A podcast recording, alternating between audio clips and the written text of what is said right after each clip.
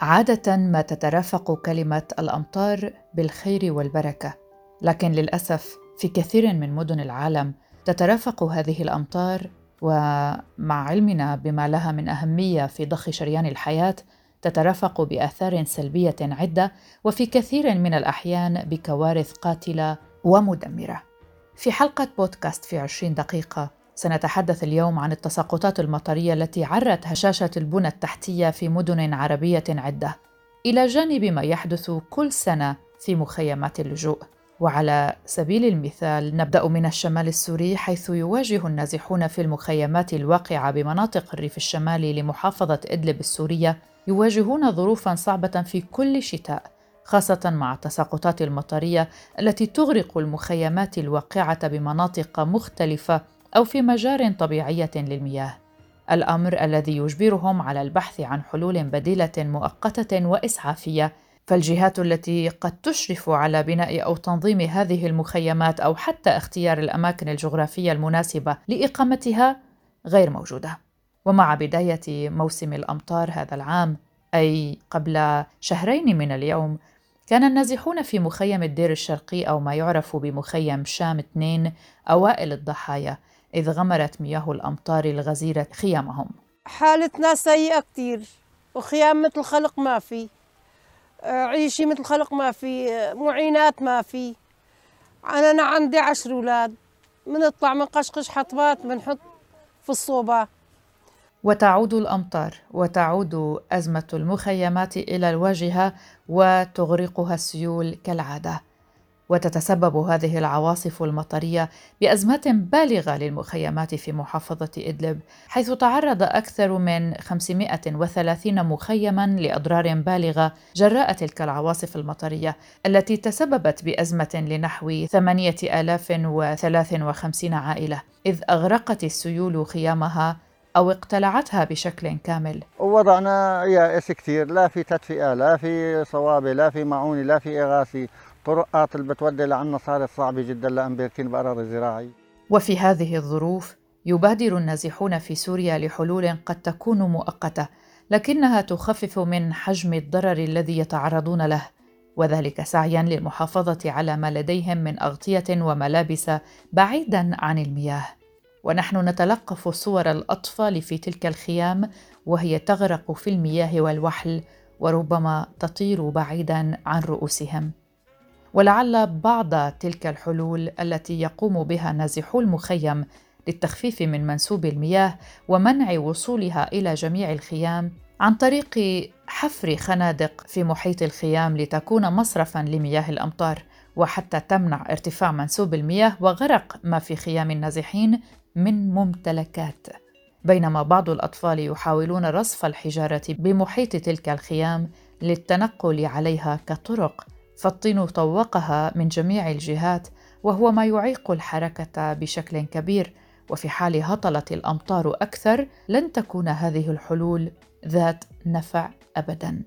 يعتمد عشرات الآلاف من النازحين السوريين على المساعدات المقدمة من مجموعات الإغاثة الإنسانية بما في ذلك الطعام والفرش ووقود التدفئة لفصل الشتاء.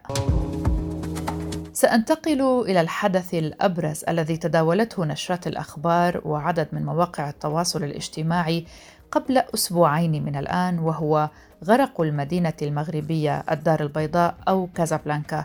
فقد تحولت هذه العاصمة الاقتصادية للمغرب إلى برك مائية بعدما غدت معظم الشوارع الكبرى فيها غارقة في المياه وذلك في اول من الشهر الجاري. حيث شهدت المدينة هطول أمطار غزيرة خلال يومين متتاليين الخامس والسادس من يناير. وتراوح مستوى الأمطار التي هطلت على المدينة بين 35 و 100 ملم وكانت وزارة التجهيز والنقل قد دعت مواطنيها إلى تأجيل تنقلاتهم من وإلى المناطق التي تشهد أمطارا غزيرة وتجنب التنقل ليلا إلا للضرورة القصوى. عرت هذه التساقطات المطرية التي شهدتها الدارة البيضاء والمناطق المجاورة لها عرت هشاشة البنى التحتية لا سيما بعدما عجزت مجاري الصرف الصحي عن استيعاب مياه المطر مما تسبب في اضطرابات على مستوى حركة الترامواي. ونقلا عن مسؤول في شركة RATP Dev كازابلانكا فإن بعد الأمطار الغزيرة في الدار البيضاء شهدت الحركة على مستوى الخطين الأول والثاني لترام الدار البيضاء اضطرابا كثيرا وتسببت الأمطار الغزيرة أيضا بمقتل شخص واحد وجرح أربعة آخرين إثر انهيار سقف فرن تقليدي بأحد أحياء المدينة. وتم إنقاذ شخصين إثر انهيار منزل آخر كان مدرجا في عداد المباني الآيلة للسقوط. أما عن ردة فعل المغاربة على غرق الدار البيضاء في مياه الأمطار فقد تداولت وسائل إعلام محلية مغربية ومواقع التواصل الاجتماعي عدة صور وفيديوهات لشوارع رئيسية وسط الدار البيضاء أو في مخارجها تغمرها المياه. وأثارت مشاهد الاختناق المروري وغمر المياه لعدة شوارع انتقادات واسعة حول جودة وصيانة البنية التحتية مستخدمو مواقع التواصل الاجتماعي. نشروا صورا وفيديوهات لما خلفته الفيضانات عبر هاشتاغ كازا تغرق. أما الشابة المغربية أسماء العربي فقد اختارت طريقة ساخرة للتعبير عن حجم المياه التي غمرت مدينتها وذلك بقيامها بارتداء ملابس حورية بحر والجلوس في أحد شوارع المدينة على قارعة الطريق بجانب بركة ماء. ثم قامت بتصوير فيديو لها وهي تتحدث بأريحية على الهاتف النقال وتقول أخبريه أنني حورية البحر حورية البحر الصغيرة تم تداول هذا الفيديو على نطاق واسع بين نشطاء منصات التواصل الاجتماعي الذين عبروا عن سخطهم من الوضع محملين المسؤولية للشركة المعتمدة الفرنسية والمسؤولة عن البنى التحتية ولمجلس مدينة كازابلانكا. لكن هناك جانب إيجابي على ما يبدو في المغرب فعلى عكس ما تعيشه مدن مغربية في علاقتها بالتساقطات المطرية الأخيرة من غرق وكوارث. من جانب آخر أنعشت هذه التساقطات أمال المزارعين في موسم زراعي مثمر بعد ثلاث سنوات من الجفاف. في ظل تداعيات أزمة كوفيد-19 التي سببت انكماشا اقتصاديا غير مسبوق في المغرب منذ 24 عاما يقدر بنحو 6.3% حيث تمثل الزراعة القطاع الأهم في إجمالي الناتج الداخلي في المملكة. ومن شأن استمرار الأمطار أن يرفع منسوب السدود كذلك. أيضا انتعشت شلالات إيموزار إيداوتنان ضواحي أغادير بعد أن شهدت المنطقة تساقطات مطرية غزيرة وتداول كثيرون صورا للشلالات وهي تتفجر بمياه التساقطات المطرية. وهذه المناطق من بين المناطق الساحلية البارزة في المغرب وتستقطب في كل عام عشرات الآلاف من الزائرين من الداخل ومن الخارج.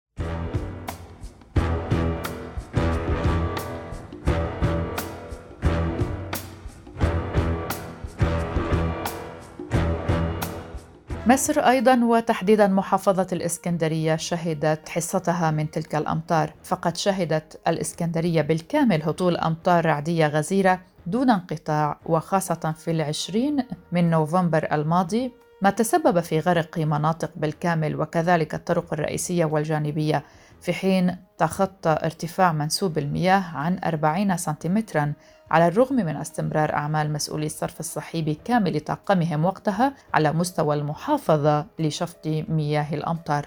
محافظة الإسكندرية كانت أهابت بالمواطنين لعدم النزول إلا للضرورة القصوى مع توخي الحذر واتباع التعليمات للحفاظ على سلامتهم حتى يتسنى للجهات التنفيذية أيضا القيام بأعمالها في كسح وشفط تجمعات المياه في المناطق المتفرقة.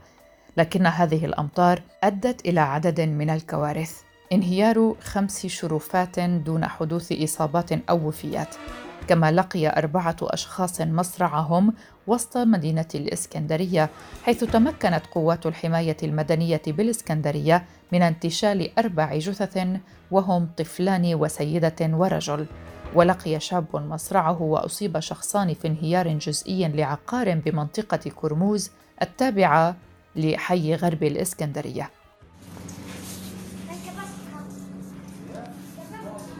شيخ هاي هاي الدور قدامك تفرج لوين؟ تفرج يا عمي مشان الله يعني إحنا والله العظيم انزلينا وإحنا نرن تلفونات. ومناش إلا الله وإنت. حل لنا المشكلة يا عمي والله من الصبح وإحنا نرن. هاي تعال شوف يا عمي تعال شوف بعينك وإحنا مسؤولين ومستعدين نتحمل مسؤولية أي غلط. إذا هاي تفرج المي. طلع المي بركة مي جوا. والله ستر الأولاد الصغار من الكهرباء. ويعني مش هيك يعني الحياة إنسانية كلها. وإحنا يا عمي انزلينا وإحنا نرن تلفونات عليك يا عم إحنا. هيك شايف. تفرج العفش كله بالشارع صار. وفي الأردن أيضا كان للأمطار جوانب سلبية في كثير من مناطق المملكة مع بداية موسم الأمطار فيها في نوفمبر الماضي. وناشدت المواطنة الأردنية نوال عبد القربي الجهات المعنية بضرورة حل مشكلة تراكم مياه الأمطار في منطقة مخيم الحسين بالعاصمة عمان وقالت إن تراكم المياه أدى إلى غرق منزلها وتلف أثاثه وبينت القربي أن سبب تراكم المياه هو عدم توفر مناهل صرف صحي كافية موضحة أنها قدمت شكاوى عدة دون جدوى وأن المياه المتراكمة شكلت خطرا على حياة أسرتها. في لبنان أيضا بات مشهد الفيضانات والسيول هناك مشهدا عاديا بل حتميا وذلك مع بدء فصل الشتاء وموعدا يوميا يرافق المواطنين والمقيمين مع كل هطول للأمطار. إذ كانت قد غرقت معظم الطرقات والأوتوسترادات في مختلف المناطق اللبنانية بالمياه وذلك جراء الأمطار الغزيرة في نوفمبر وتحول معها مدخلا العاصمة الشمالي والجنوبي وغالبية الشوارع وحتى الفرعية منها إلى أنهار ومستنقعات متسببة بزحمة سير خانقة كشفت هشاشة البنى التحتية وغياب أي صيانة أو حلول جذرية مستدامة من قبل الدولة. وبسبب تجمع مياه الأمطار علق عدد من المواطنين بسياراتهم وبينهم من غرقت مركباتهم بالمياه ونشروا بدورهم مقاطع فيديو وصور أظهرت زحمة السير الخانقة على نهر الموت مرورا بضبي وصولا إلى جوني شمال العاصمة وغيرها من المناطق كما على أوتستراد نهر الكلب في منطقة زوق مصبح. وتحت هاشتاغ لبنان يغرق عبر وقتها اللبنانيون عن امتعاضهم وسخطهم من العوم بمجارير الصرف الصحي والنفايات بعد أن اختلطت بمياه الأنهار في حين أفاد البعض الآخر عن انجراف سيارات في أكثر من منطقة. أما وزارة الأشغال العامة والنقل فقد قالت في بيان لها أن بعض وسائل التواصل الاجتماعي تناولت فيديوهات مركبة وبعضها قديم وبعضها كانت صحيحة لفيضان الأمطار الأخير على معظم الطرقات العامة والأنفاق وأضافت وزارة الأشغال العامة والنقل أن الورش الفنية المختصة لتصريف مياه الأمطار على الأوتسترادات الدولية فتحت مختلف الأقنية والمشاريع المخصصة لتصريف مياه الأمطار.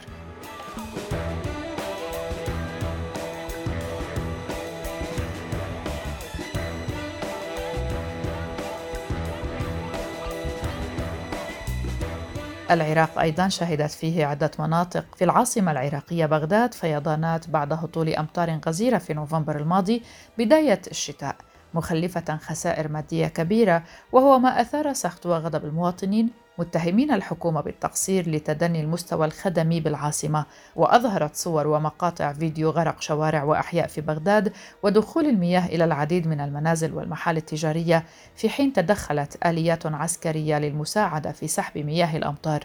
ويتكرر مشهد ارتفاع منسوب مياه الأمطار في شوارع بغداد كل عام جراء تهالك البنى التحتية الخاصة بشبكات صرف المياه. هذا شارع الطالبية فايض كلش.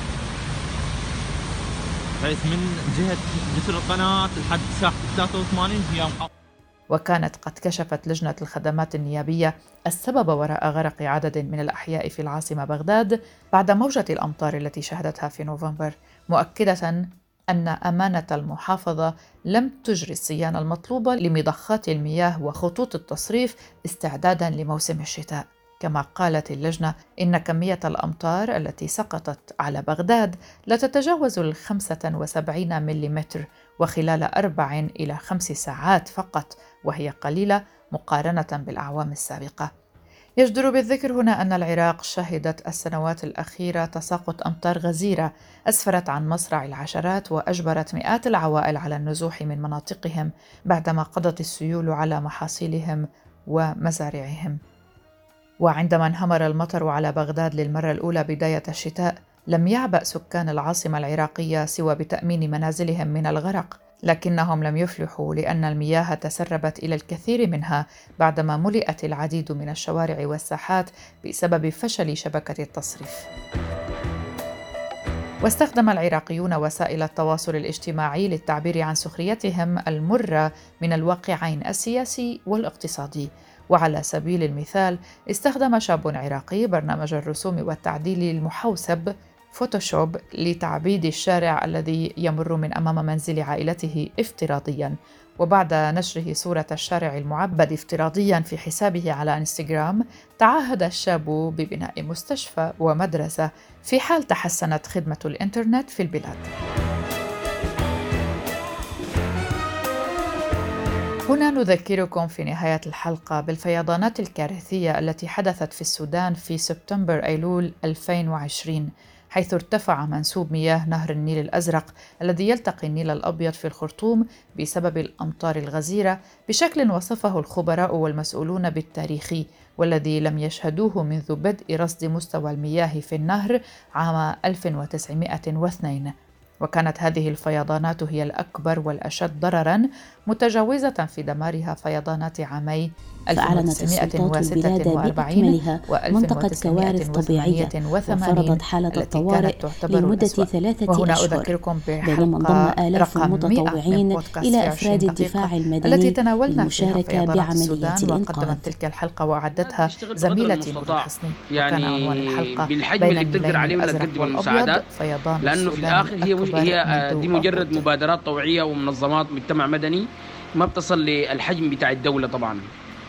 فبتقدم بقدر الإمكان حجم الإغاثة بكون بنقدر عليه بالمشمعات بالحقائب الغذائيه بالناموسيات بالأدوية اللي هي طبعا في الآخر بتجينا تبرع من من من السودانيين بالخارج أو بالداخل. ووفقا لوزارة الري السودانية فإن الفيضانات الناجمة عن هطول الأمطار الموسمية الغزيرة أدت إلى ارتفاع منسوب نهر النيل لأكثر من 17 مترا أواخر شهر آب أغسطس الماضي. وهو أعلى مستوى وصل إليه النهر منذ نحو قرن.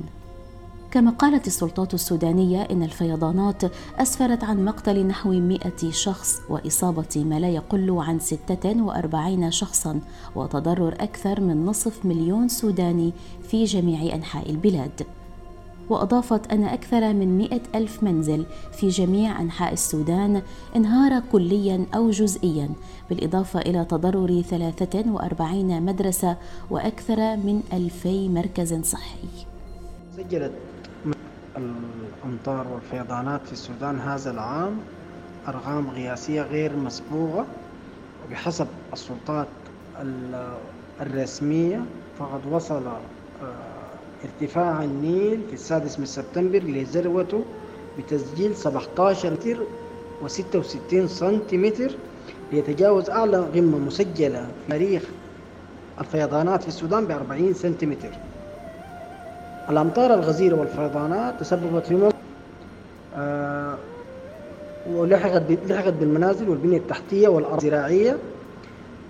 وتمددت المياه في ولاية الخرطوم لأكثر من 500 كيلومتر من الأراضي. آه، ولاية الخرطوم والجزيرة والنيل الأبيض حسب الصور تحت الأقمار الصناعية. وفقا للأرقام الرسمية فإن أكثر من 557 ألف شخص تأثروا في 17 ولاية من أصل 18 ولاية. وتم تدمير وإتلاف 111 ألف منزل.